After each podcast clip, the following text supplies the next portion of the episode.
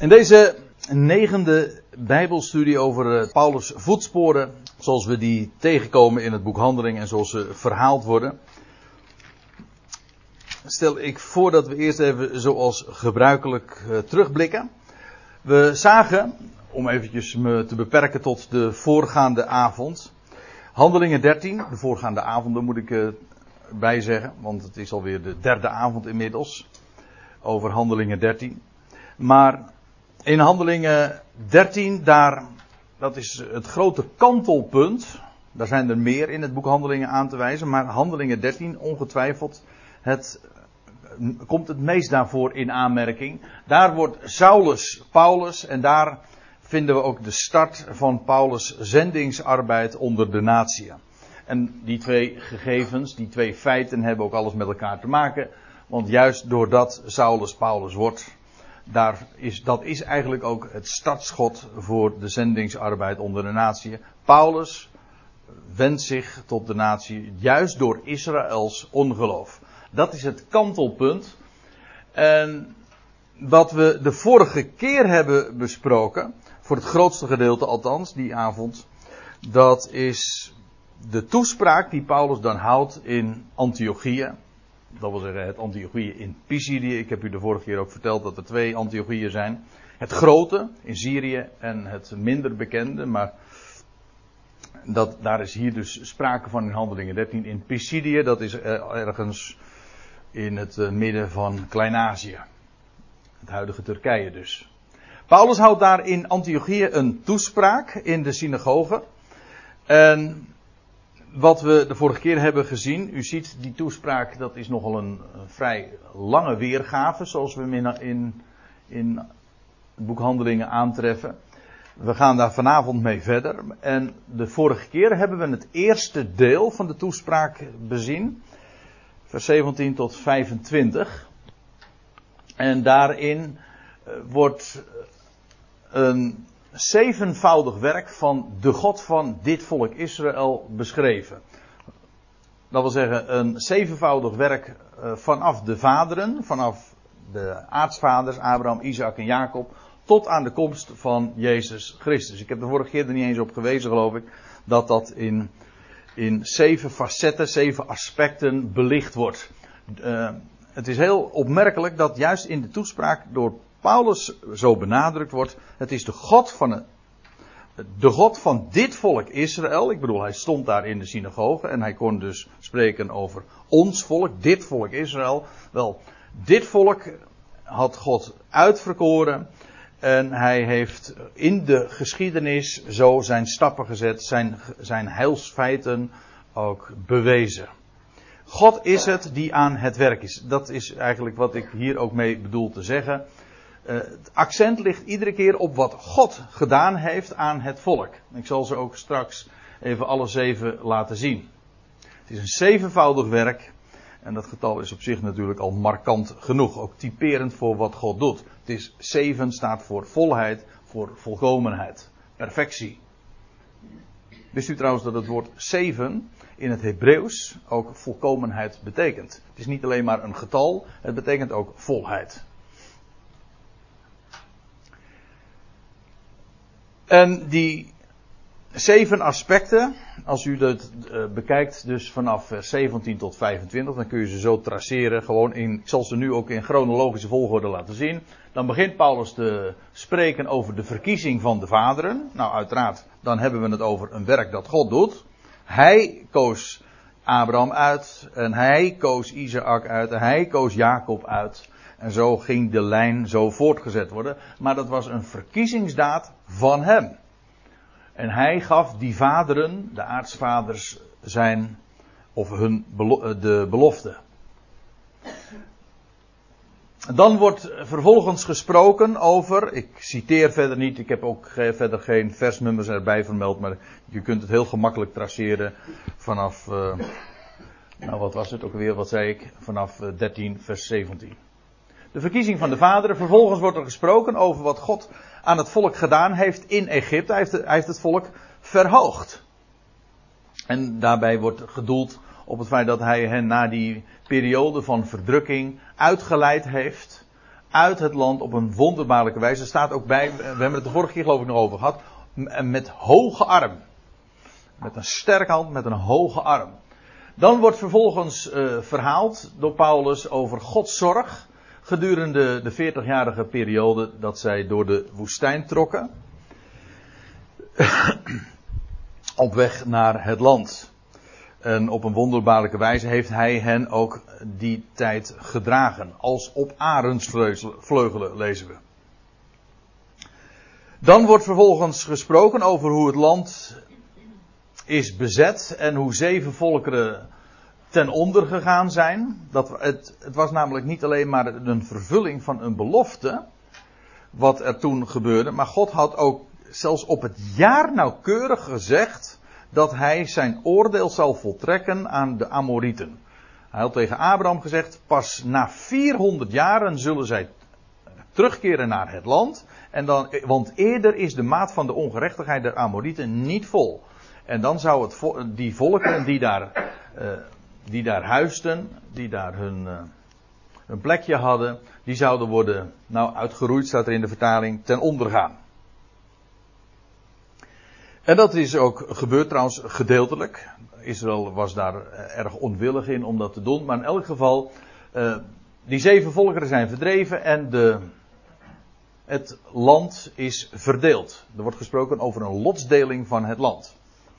Deze hele periode duurt, dat zegt Paulus er dan ook nog bij, 400, ongeveer 450 jaar. Vanaf de verkiezing van de vaderen tot aan de lotsdeling van het land.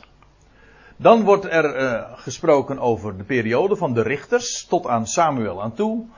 En dan de koningen, eerst Saul en vervolgens David, de koningen die God gaf. En het is opmerkelijk, maar die hele periode vanaf Abraham tot Christus, dat is een periode van 2000 jaar. Abraham die leefde zo'n 2000 jaar voor Christus. Nou, hier wordt met zeven mijls lazen door de geschiedenis van Israël zo gegaan. Tot aan David aan toe. Deze periode duurt duizend jaar. Dus van 2000 voor Christus tot aan David. David leefde duizend jaar voor Christus. Die duizend jaren worden dus in, in stappen beschreven. Maar vervolgens worden de daaropvolgende duizend jaren, dus de hele koningenperiode, dus vanaf Salomo, wordt helemaal overgeslagen. En bij nummer 7 komen we bij de, uiteindelijk bij de zoon van David. Maar dan, praat, dan wordt dus die hele, een periode van een millennium wordt dus overgeslagen. Dus van David wordt overgesprongen meteen naar de zoon van David. En nou begrijp je ook meteen de logica, als ik het zo zeg. Want David gaf God uh, aan het volk als koning. En daarmee vestigde hij, creëerde hij een koningshuis, een dynastie. En wel, eigenlijk alle resterende of navolgende koningen waren feitelijk eh, in het grote perspectief niet interessant, want het ging om vervolgens de enige echte zoon van David. En dat is de nummer 7. Trouwens, David was ook een zevende. Wist u dat? Hij wordt genoemd de zevende zoon van Isaïe. En dus wordt er dan vervolgens gesproken over de, dat is dan het laatste waar we het de vorige keer ook over gehad hebben. Komt de redder. Het, de, terminologie die ik nou iedere keer hier ook bezig, dat zijn termen, woorden die, en begrippen die gebruikt worden door Paulus in deze toespraak. We hebben dat de vorige keer ook gezien. En dan krijg je dus de komst van de redder. Dat wil zeggen, de zoon van David, hij die uit het zaad van David, zo wordt het ook genoemd.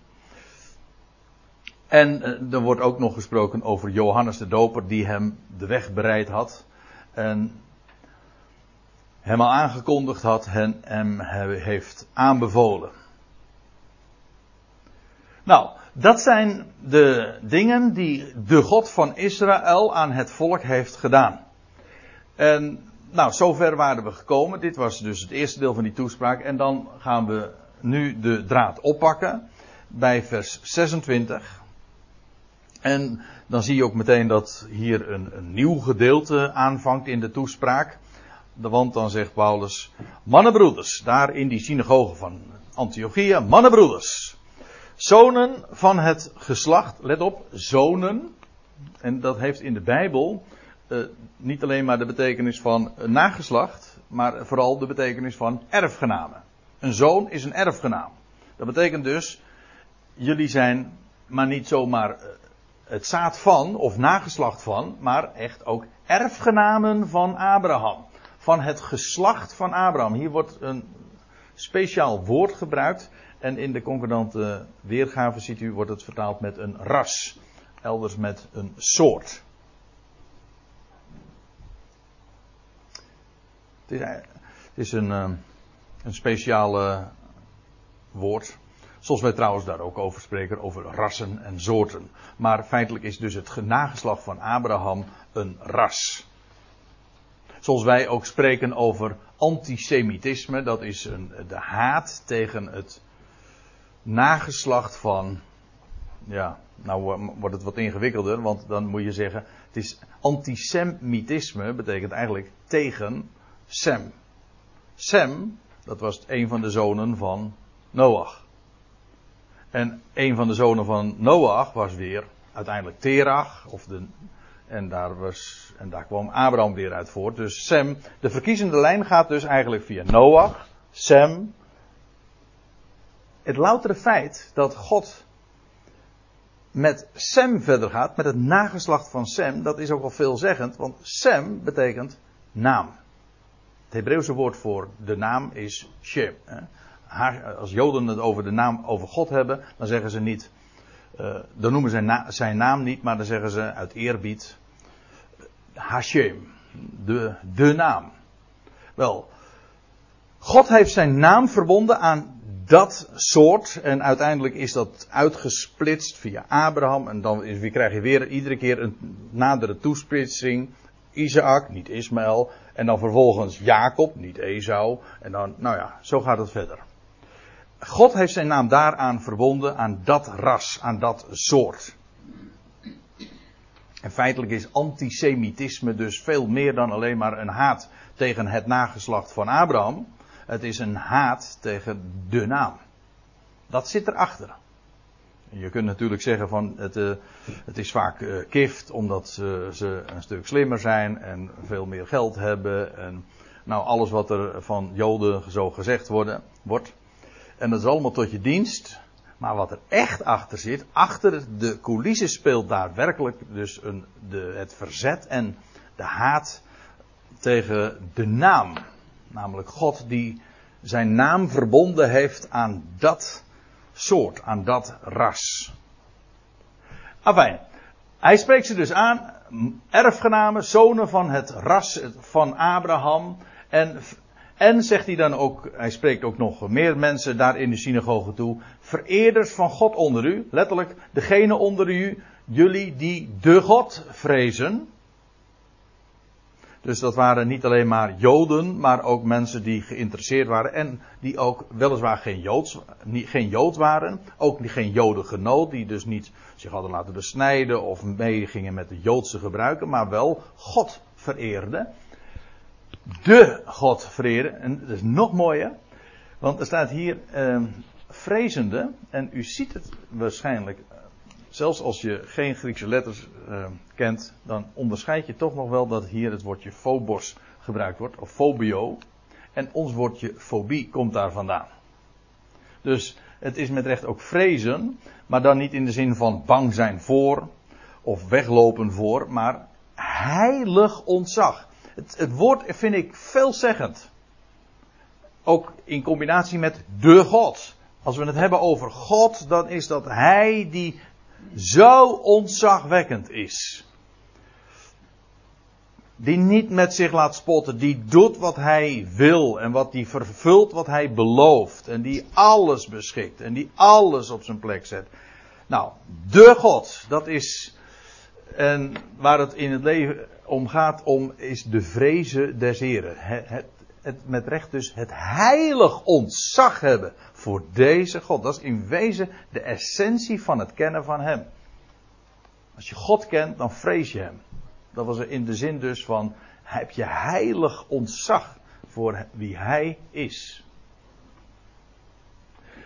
En wel, hij spreekt dus het ras van Abraham aan, de vereerders van God onder hen. En uh, tot ons, aan ons is het woord, de, aan ons is deze heilsboodschap gezonden, letterlijk het woord van de redding. Oh, hier moet staan trouwens het, de, het woord van de redding. Werd dat gedelegeerd hier. God had juist dit volk op het oog en nu heeft hij een woord voor hen, een woord van redding. En want zegt hij, hij motiveert dat, want die te Jeruzalem wonen en hun overste, die hebben hem, namelijk die redder over Jezus, hij had zijn naam al genoemd, niet erkend. En dat niet erkend, dat is niet het woord wat hier staat. Het gaat niet over erkennen, maar letterlijk staat er die onwetend zijnde, of onbekend zijnd. Dat wil zeggen, ze hebben hem niet herkend. Het gaat niet om het feit dat ze hem niet hebben erkend, dat is wel zo, maar ze hebben hem niet herkend. Ze waren, ze hadden zich, ze hadden geen benul van wie hij was. Allen die in Jeruzalem woonden, dat staat er, of hier wordt dat gewoon generaliserend genoemd. Zij die te Jeruzalem wonen en de overste in het algemeen dus. Er waren altijd uitzonderingen. Denk aan Nicodemus of van Jozef van Arimathea. Maar in ieder geval, de, over het algemeen hebben ze hem niet herkend. En dat is bijzonder, want, nou moet je verder lezen. Want die te Jeruzalem wonen en hun overste hebben hem niet herkend. En zij hebben de uitspraken van de profeten, de stemmen, de geluiden, dat wat de profeten allemaal hebben gemeld. Profeten die elke sabbat gelezen worden, voorgelezen worden. Ze waren er, het is opmerkelijk, ze waren er zo vertrouwd mee. Elke sabbat wordt, het voorgelezen en dan door de week was men met die woorden bezig. En niettemin ze hebben hem, hem niet herkend. Hij was, nou was hij in hun midden. Degene die de profeten hadden aangekondigd. Nou was hij in hun midden. En ze hebben hem niet herkend. Sterker nog. Ze hebben hem door hun oordeel. Ze hebben Jezus veroordeeld. Ze, hebben geoordeeld dat hij moest sterven en gekruisigd worden. En juist daardoor hebben ze de profeten de vervuld. Dus dan krijg je deze gedachte. Zij, in Jeruzalem, de overste, ze lezen elke sabbat de woorden van de profeten.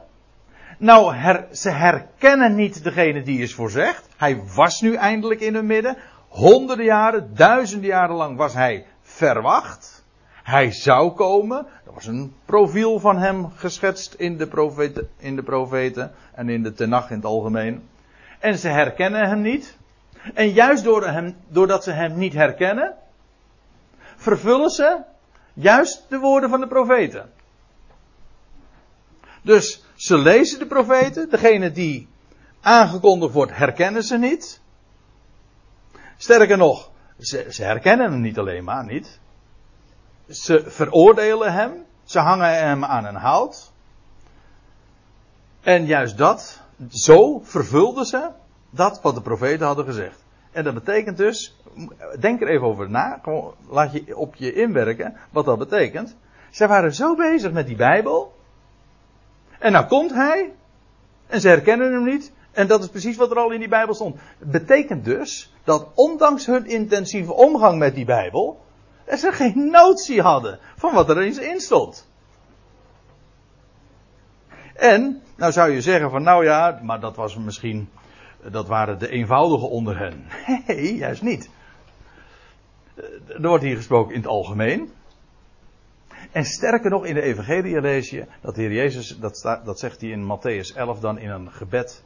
Dan zegt hij, Vader, ik dank u dat gij dit aan, dat gij dit voor wijze en verstandigen, dus de intellectuelen, degenen die ervoor geleerd hebben, verborgen hebt en maar aan kinderkens geopenbaard. aan eenvoudigen. Die misschien niet in, die niet in tel waren, de kindertjes, daar luister je niet naar. Nee, maar aan hen was het juist geopenbaard. En de wijzen en de verstanden, degenen die ervoor geleerd hadden en die de status hadden. Nou ja, zoals hier ook staat, de overste. Vergis u niet, de overste in Jeruzalem, dan, gaan we, dan hebben we het vooral ook over de religieuze overste. Het Sanhedrin. Dus, dat waren degenen dus de, die de schriftgeleerden, de fariseeën, dat waren dus de, de religieuze autoriteiten. Zij die beroepsmatig met de Bijbel bezig waren en ook daar hun status aan hadden ontleend. Zij bleken totaal niet op de hoogte van wat er werkelijk in die schrift stond. En juist doordat zij hem kruisigden, vervulden ze wel de woorden van de profeten. Dus het ging allemaal volgens plan. Maar zie je hoe, ja, hoe, hoe, vreemd dat kan gaan. En ja, ik zeg vreemd, maar terwijl, ik het zeg en, ik het zo vertel, denk ik bij mezelf, uh, is het zo vreemd. Is het vandaag namelijk niet het zo. Beroepsmatig bezig met de Bijbel, je status daaraan ontlenen, dat, uh, dat niet alleen maar bestuderen, maar ook vervolgens uh, verkondigen in beleidenisgeschriften vastleggen en volledig het spoor bijster. Ja, ik moet, ik moet er uh, uh, toch wel uh, regelmatig aan denken. Aan, want ja, je, je zegt dan van, goh, hoe, hoe is het toch mogelijk dat dat, dat, dat dat zo kon gaan? En terwijl je je erover zou verbazen, moet je gewoon vaststellen dat het niet anders is in onze dagen. En het evangelie zoals dat staat opgetekend in de brieven en zoals de apostel van de natie dat heeft doorgegeven, is volledig onbekend. En als je het vertelt, dan wordt het veroordeeld en als ketterij terzijde geschoven. Ja. In, um, in Handelingen 3, daar lees je. Het gaat dus eventjes over het feit dat zij volledig onkundig waren. En in Handelingen 3 zegt Petrus, op het, eh, ik zal trouwens uh, Petrus vanavond nog wel vaker aanhalen uit het boek Handelingen. Want in het boek Handelingen vind je toespraken van Petrus, met name. En uh, vanaf hoofdstuk 13 dan ook van Paulus, vooral, of eigenlijk uitsluitend. Ja, het is eigenlijk zo dat je tot Handelingen 10 toespraken van Petrus treft. En na handelingen 10, of na handelingen 13, vanaf handelingen 13, uh, alleen nog maar toespraken van Paulus. Ook die, daarin zie je weer duidelijk die, die overgang. Petrus, de man van de besnijdenis, die het stokje overdraagt, zeg maar, aan Paulus, die gericht is en zich wendt tot de natie. Afijn, Petrus zegt dan, als hij op het tempelplein ook een toespraak houdt naar aanleiding van die man, die, die verlamde man die bij de schone poort genezen was. En dan zegt hij, en nu broeders, ik weet dat jullie uit onkunde hebben gehandeld. Gelijk ook uw overste. Jullie wisten niet waar je mee bezig waren. Jullie hebben dat als volk gedaan, ook jullie oversten wisten niet. Hebben het niet geweten. Maar let op wat er dan vervolgens staat. Maar zo heeft God in vervulling doen gaan wat hij bij monden van alle profeten tevoren geboodschap had, namelijk dat zijn Christus moest lijden. Dus het loutere feit dat het volk en de leiding van het volk officieel hem heeft afgewezen en onkundig was over wie hij was, wel, zo heeft God juist dus in vervulling doen gaan wat hij bij monden van alle profeten tevoren geboodschap had. Dus moest zo gaan. Het moest zo gaan. Het was dus ook, dat staat dan in een hoofdstuk eerder, in Handelingen 2, het was naar de bepaalde raad en voorkennis van God. Dat wil zeggen, God wist dat niet alleen van tevoren, dat is logisch, maar het was ook naar zijn plan. En sterker nog, hij had het ook al voorzegd. En dat volk dat het moest uitvoeren, die was bezig met die Bijbel en ze waren er blind voor.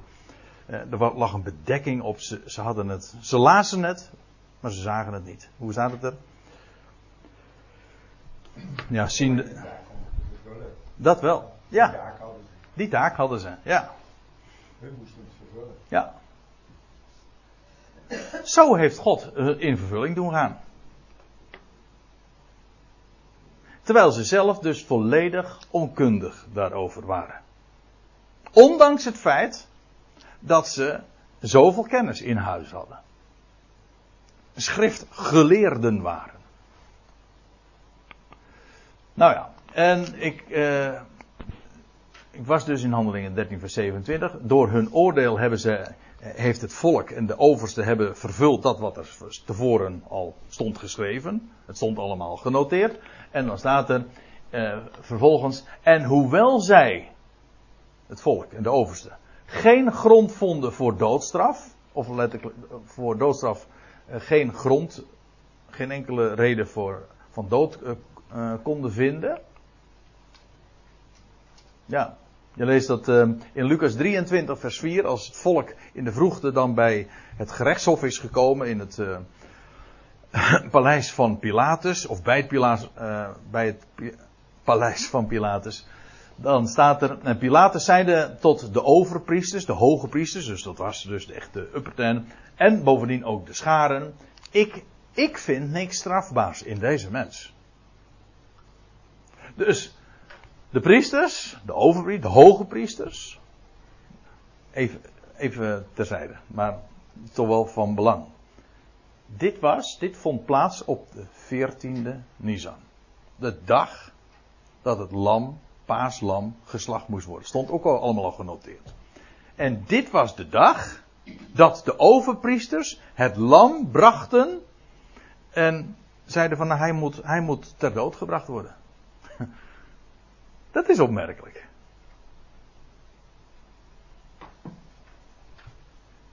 En dan zegt notabene Pilatus, ik vind niks strafbaars in hem. Het moest via die weg gaan, want Israël was bezet. En uh, Israël was zelf niet gerechtigd. De, de Sanhedrin was niet gerechtigd om een doodstraf, doodvonnis uit te voeren. Dus ze moesten bij Pilatus wezen, maar Pilatus zegt, nou, uh, die waste zijn handen ook in onschuld. Dan zegt, dan staat er ook bij, je kent dit plaatje misschien wel. Ik heb hier uh, vroeger, ik herinner me, ik had zo'n boekje. Ik kan het zo nog voor de geest halen. Er stonden heel veel van dit soort platen bij en dit heet Ecce Homo. Dat wil zeggen, Ecce Homo betekent zie de mens. Dat is een uitspraak van Pilatus dan. In het Latijn zegt hij dat, per slotverrekening, het was een Romeinse stadhouder. Zie de mens. Hij had hem laten geestelen, eigenlijk om het gevolg dan tegemoet te komen. Van, nou, is dit dan niet, misschien niet genoeg? Maar ik heb met verbazing vaak naar dit gekeken. Ik vond het schitterend schilderij. Ja, heel mooi. Ja, het is prachtig. Het is, je ziet zo, dit, dit, is, in, dit is in de ochtend zo uh, als het ware uh, getekend. Maar in ieder geval, uh, zij hebben Pilatus gevraagd om hem ter dood te brengen. Ja, want ik moet er ook nog bij zeggen, als hij, Jezus dan nog voor de Joodse Raad en voor het Sanhedrin gevoerd wordt, dan lees je dat er, ja, dan, volgens het rechtsproces, dan moesten er getuigen optreden. En dan blijken er voortdurend al, alleen maar valse getuigen te zijn. Dat wil zeggen getuigen die elkaar tegenspreken. Dus ja, daar, uh, en, en er moesten in ieder geval minimaal twee getuigen zijn, ooggetuigen, om een zaak vast te laten staan. Dus ze konden niets vinden. En toch hebben ze, het was allemaal volkomen illegaal wat er gaande was toen. Nou, ze, uiteindelijk zijn ze naar Pilatus gegaan en die zegt, nou, ik vind geen schuld. Hij zegt, ik was mijn handen, dus, een, de uitdrukking handen in onschuld wassen, die is ontleend aan, de, aan deze geschiedenis van Pilatus, die dat dan ook doet. Hij zegt, uh, mijn handen zijn schoon.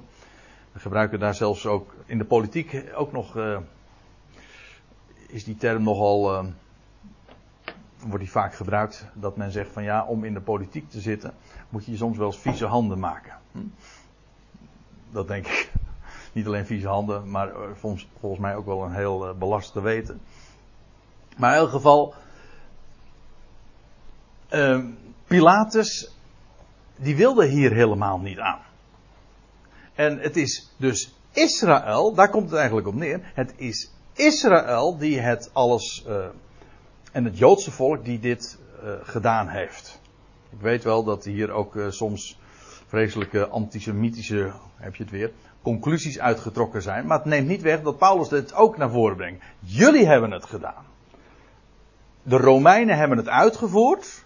Ze was slap, natuurlijk. Maar het is op initiatief van jullie geweest dat Jezus inderdaad ter dood is gebracht.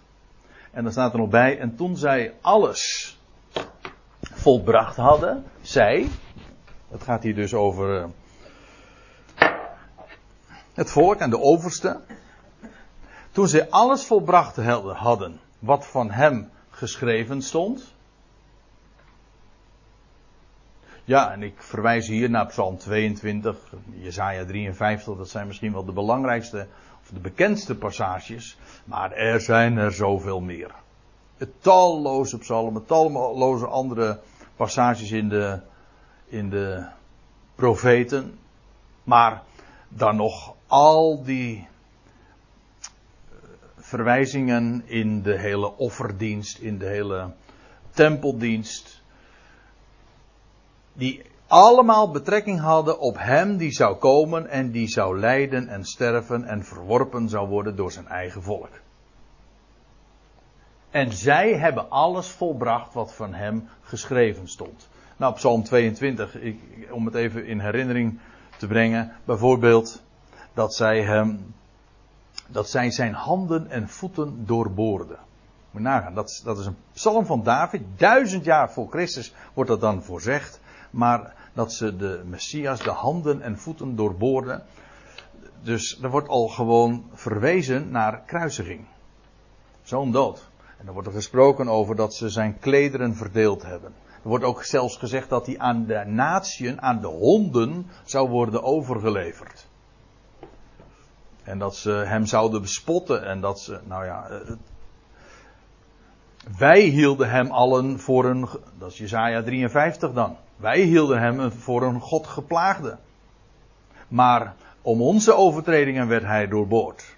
En als een lam werd hij ter slachting geleid, als een schaap dat stom is voor zijn scheerders. Dat kwam ook letterlijk uit, want ze, eh, toen hij daar zowel voor het Sanhedrin kwam als voor de, voor Pilatus. Er werden vragen gesteld en hij antwoordde niet. Als een, als een schaap dat stom is voor zijn scheerders, zo deed hij zijn mond niet open. Nou, al die dingen die stonden van tevoren geschreven.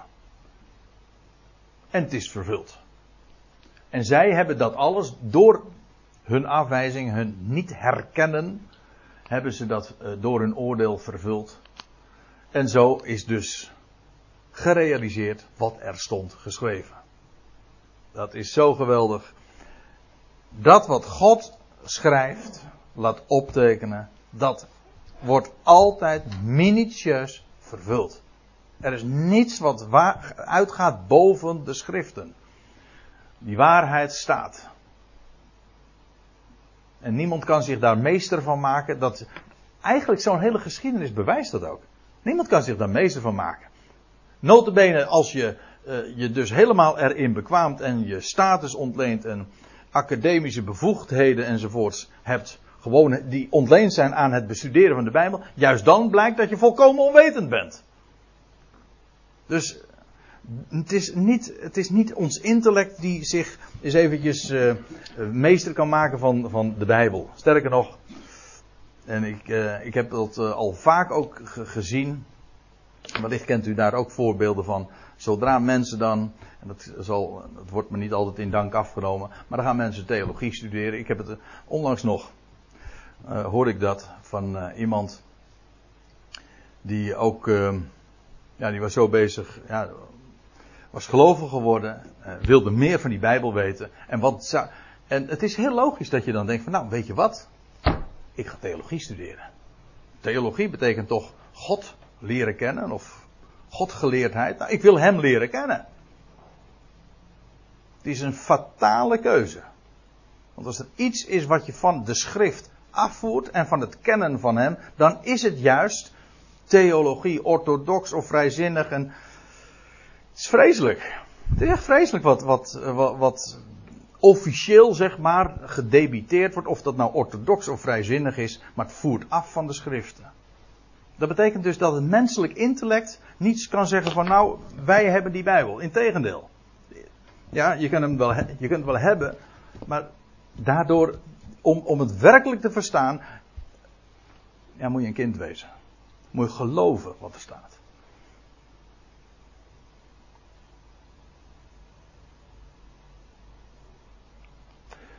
Toen ze alles volbracht hadden wat van hem geschreven stond, namen ze hem van het hout, namen ze hem af van het hout, spijkers uit de handen en uit de voeten, en ze legden hem in een graf. Ze hebben hem geplaatst in een grafgewelf.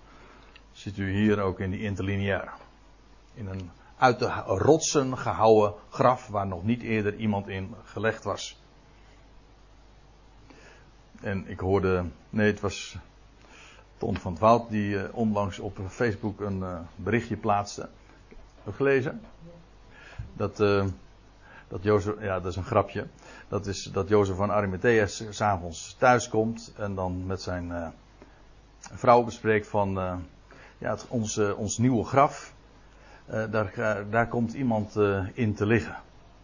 En nou, de vrouw, de, ik weet niet helemaal of ik nou exact goed zeg hoor, zoals hij het geplaatst had, maar in elk geval, zijn vrouw maakt dan bedenkingen van zouden we dat nou wel doen? En toen zei Jozef van Arimathea van, joh, het is toch maar voor drie dagen.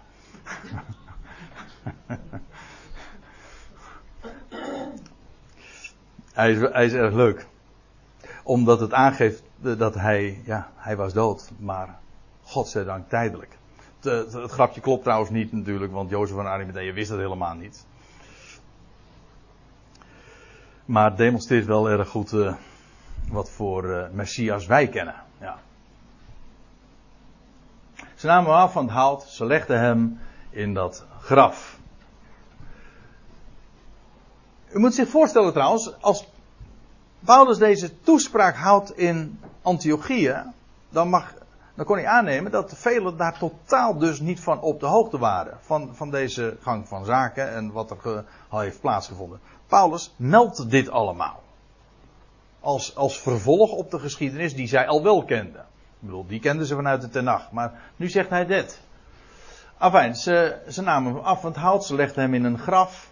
Maar God heeft hem uit de doden opgewekt. Dit is zo opmerkelijk in het boek Handelingen. Die tegenstelling. Altijd is het dus, het is de mens die hem deed die hem ter dood veroordeelde, die hem aan het kruis nagelde. Maar God heeft hem uit de doden opgewekt. Dus in de voorgaande versen zagen we vooral dat wat het volk gedaan heeft. Oh ja, natuurlijk, naar de bepaalde raad en voorkennis van God hebben ze vervuld. Uiteindelijk wat God zelf deed, dat weet ik wel, maar zij deden dat. Het was het, het voorgaande was het menselijk aandeel. De mens bracht hem ter dood. Maar God heeft hem uit de doden opgewekt. De mens brengt in de dood. God brengt leven uit de dood. Nou, ik uh, citeerde het zojuist al even vrij uit het hoofd, maar hier heb ik nog een diaatje. Dat is dus uh, Petrus, die dan zegt: Deze, gaat het over de Messias, naar de bepaalde raad en voorkennis van God uitgeleverd dat wil zeggen aan. Hebt gij, ja, uh, hebt gij, hebben jullie, door de handen van wetteloze mensen, dat wil zeggen wetteloos betekent hier uh, die de wet niet hebben, die de wet van Mozes, die de Torah niet hebben.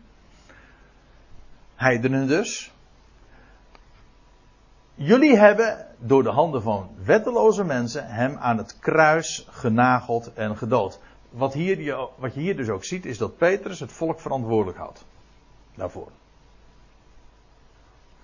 Het is middels, door middel van de natieën gebeurd die het uitgevoerd hebben, maar zij hebben het uh, initiatief daartoe genomen, aan het kruis genageld en gedood. En dan staat er vervolgens, God evenwel heeft hem opgewekt. Exact hetzelfde verhaal. En ik geef u nu twee voorbeelden maar ik zou zo vier, vijf voorbeelden meer kunnen geven uit ditzelfde boek Handelingen. Ik heb het nu niet uh, paraat. In Handelingen 4 vind je het ook nog, 5. Uh, uh, heel wat keer. Handelingen 10 ook nog. iedere keer dat, dat accent, de mens die hem, of meer speciaal het volk Israël, die dat door middel van heidense mensen uh, uitgevoerd heeft. Maar God heeft hem uit de doden opgewekt. En dan, en hij is gedurende vele dagen, eigenlijk staat er op meerdere, u ziet het hè, op meerdere dagen, en we weten uit Handelingen 1 vers 3, dat waren er 40, 40 dagen, is hij verschenen. U staat letterlijk, hij werd gezien op meerdere dagen.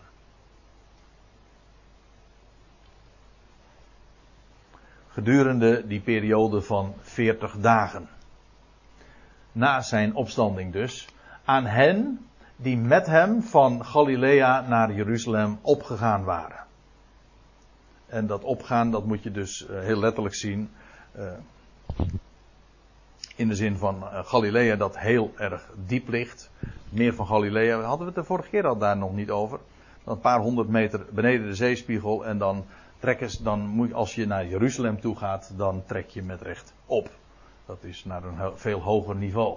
Die met hem dus opgegaan waren. En het gaat hier dus met name over de twaalf en zij die daar in de kringen daaromheen. En staat erbij, die thans getuigen van hem zijn bij het volk. Nog steeds dus. Die nu getuigen van hem zijn bij het volk. Getuigen, dat is een, uh, ons woordje martelaar is daarvan afgeleid. Maar een getuige is een juridisch begrip. Een, een getuige is namelijk een ooggetuige. Een getuige is maar niet iemand die spreekt. Dat denken wij misschien eh, zomaar, je, getuigt van iets. Nee, een getuige is een, in de, eh, als juridische term betekent dat een ooggetuige. Iemand die iets, bijvoorbeeld je hebt een ongeluk gezien. En dan word je voor de rechtbank als ooggetuige, mag je onder eedswering. Hè, dus dat wil zeggen, het moet een betrouwbaar ding zijn wat je zegt. En vertel je dat wat je hebt waargenomen. Dat is een getuige. Zij waren dus met recht getuigen van de opgestane. Hij is gedurende vele dagen of meerdere dagen verschenen. Uh, aan wie dan? Wel aan hen die thans daarvan getuigenis afleggen. Die dat zelf hebben meegemaakt en hebben gezien die, bij, eh, die getuigen zijn van hem bij het volk staat er nog bij. En dat is ook mooi, want dat betekent dus de twaalf, die werden gezonden tot Israël. Paulus ging nu naar de natieën. Hij was weliswaar onder in de synagoge, maar hij ging naar het buitenland, naar de natieën toe. Maar zij die met de Heer waren opgetrokken, de twaalf, aan wie hij was verschenen gedurende die veertig dagen, die getuigden nu bij het volk, bij Israël. Zij waren de apostelen van de besnijdenis. De twaalf dus. Vandaar ook, vandaar ook twaalf, want twaalf is het getal dat gelinkt is aan het volk, de twaalf stammen. En dan ga ik, neem ik u mee naar handelingen 10. Daar is Petrus weer aan het woord. Ik zei al, tot en met handelingen 10 vind je alleen maar toespraken van Petrus. En daar is Petrus in het huis van Cornelius. En dan zegt hij in vers 40. Hem, heeft hij het over Jezus, heeft God ten derde dagen opgewekt. Hier trouwens precies weer wat ik, wat ik zojuist al even aan refereerde. Zij hebben hem omgebracht, maar God heeft hem opgewekt. En wel op de derde dag en hij heeft gegeven, dat wil zeggen, God heeft gegeven, dat hij verscheen, gezien werd, niet aan het hele volk. Dat gaat de Heer trouwens wel bij gelegenheid doen, maar dat is in latere instantie. Dan, dan zal hij verschijnen aan het hele volk. Toen was het daarvoor nog niet de tijd. Hij is niet verschenen aan het hele volk, maar aan de getuigen die door God tevoren gekozen waren aan ons, zegt Petrus dan, aan ons, ik ben een van die twaalf, die met hem gegeten en gedronken hebben nadat hij uit de doden was opgestaan.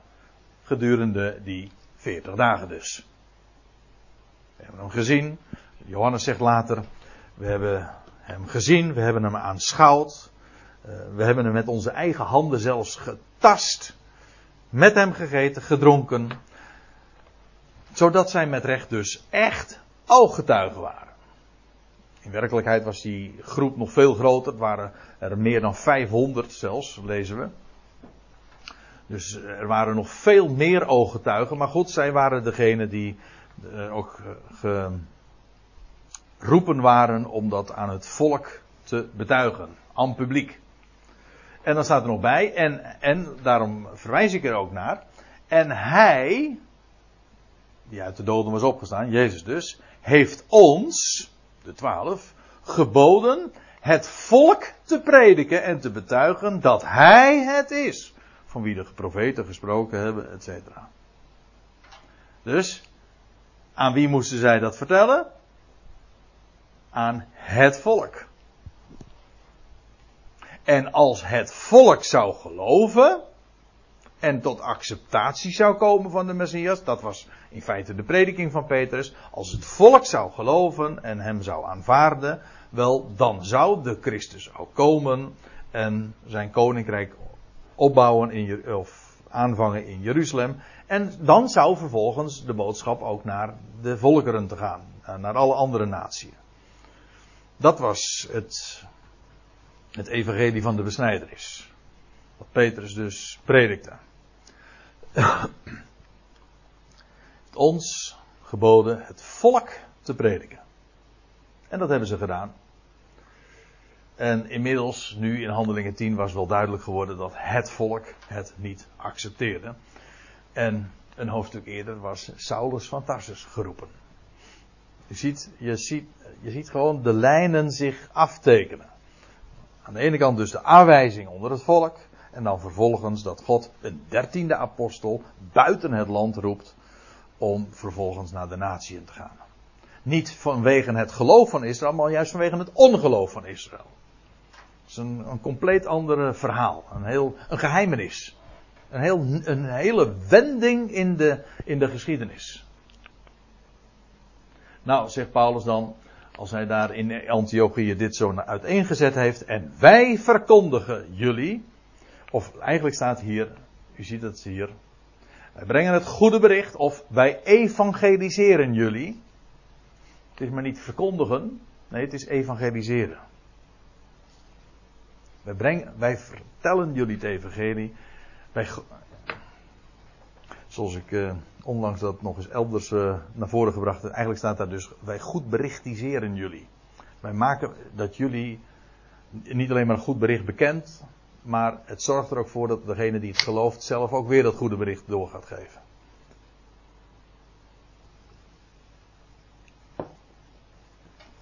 Wij evangeliseren jullie dat God de belofte die aan de vaderen geschied is, dat wil zeggen, God heeft ooit die beloften al gegeven aan de aartsvaders en sindsdien vele malen bevestigd, heeft laten optekenen. De belofte is gegeven. Wel, Paulus zegt, ik heb een, goede tijding voor jullie. De belofte die toen al zoveel lang geleden gedaan is, die is inmiddels aan hun kinderen, nu dus, aan hun nageslacht, vervuld. Deze heeft God volledig vervuld. Er wordt hier een sterk woord gebruikt voor vervullen. Hij heeft het volledig vervuld. Hij heeft waargemaakt wat hij gesproken heeft. Davids zoon, zegt dan een lied, een kerstlied, lang verwacht. Hij was lang verwacht. En nu, de blijde tijding is, hij is er. Hij is gekomen. hoezo? Wel, God heeft vervuld wat hij beloofd heeft. In feite is dat iedere keer in het boek Handelingen de essentie van het evangelie. De belofte kenden ze. En nu werd verteld, de belofte is gerealiseerd. En dat komen we jullie melden. En dat is een blijde tijding. God heeft de belofte die aan de vaderen geschieden is, aan ons, hun kinderen, volkomen vervuld. En hoe dan wel? Wel, door Jezus op te wekken. En feitelijk is dat het evangelie. Let op. Wat is het evangelie? Dat de belofte nu gerealiseerd is. En wat is de inhoud dan van die belofte? Wel, dat Jezus is opgewekt uit de doden. Het evangelie is niet dat hij stierf. Ja, nou, dat is niet helemaal onwaar. Maar de essentie is dat hij opstond uit de doden. En het loutere feit dat hij opstond uit de doden, dat veronderstelt dat hij ook stierf, uiteraard. Dus ik bedoel, daar, bedoel daar helemaal niet mee te zeggen dat zijn dood of zijn sterven uh, van minder belang zou zijn. Maar de essentie is wat God gedaan heeft, namelijk door Jezus, Jaweh is redder, op te wekken uit de doden. Nou, en dat gaat Paulus dan ook motiveren en vanuit de Tenach. Ik bedoel, hij is daar in de synagoge. En hij legt de bonnetjes er ook bij. Het is opmerkelijk als hij dan gaat spreken over de opstanding van Jezus uit de doden. Dat hij drie getuigen uit de Tenach opvoert. En zegt van kijk, daar staat het, daar staat het, daar staat het. Hij had er nog veel meer kunnen opvoeren trouwens. Maar dat doet hij. Hij bewijst dus dat wat hij vertelt. Alles. Alles. Ja. Alleen die mensen gebruiken die ervoor, dus zouden het geen horen. Nee. Dat is toch prachtig? Ja, ik vind het geweldig. Uh... Dat is trouwens ook uh, typerend voor, voor een goed bericht. Waarom het een goed bericht is. God is het die het vervult. En doet. En realiseert. Nou, dan pakken we straks uh, de draad hier op. En dan zullen we het eens over Paulus referenties hebben. Dat wil zeggen waaraan hij refereert als hij het hierover heeft. We zullen eerst een kopje koffie drinken.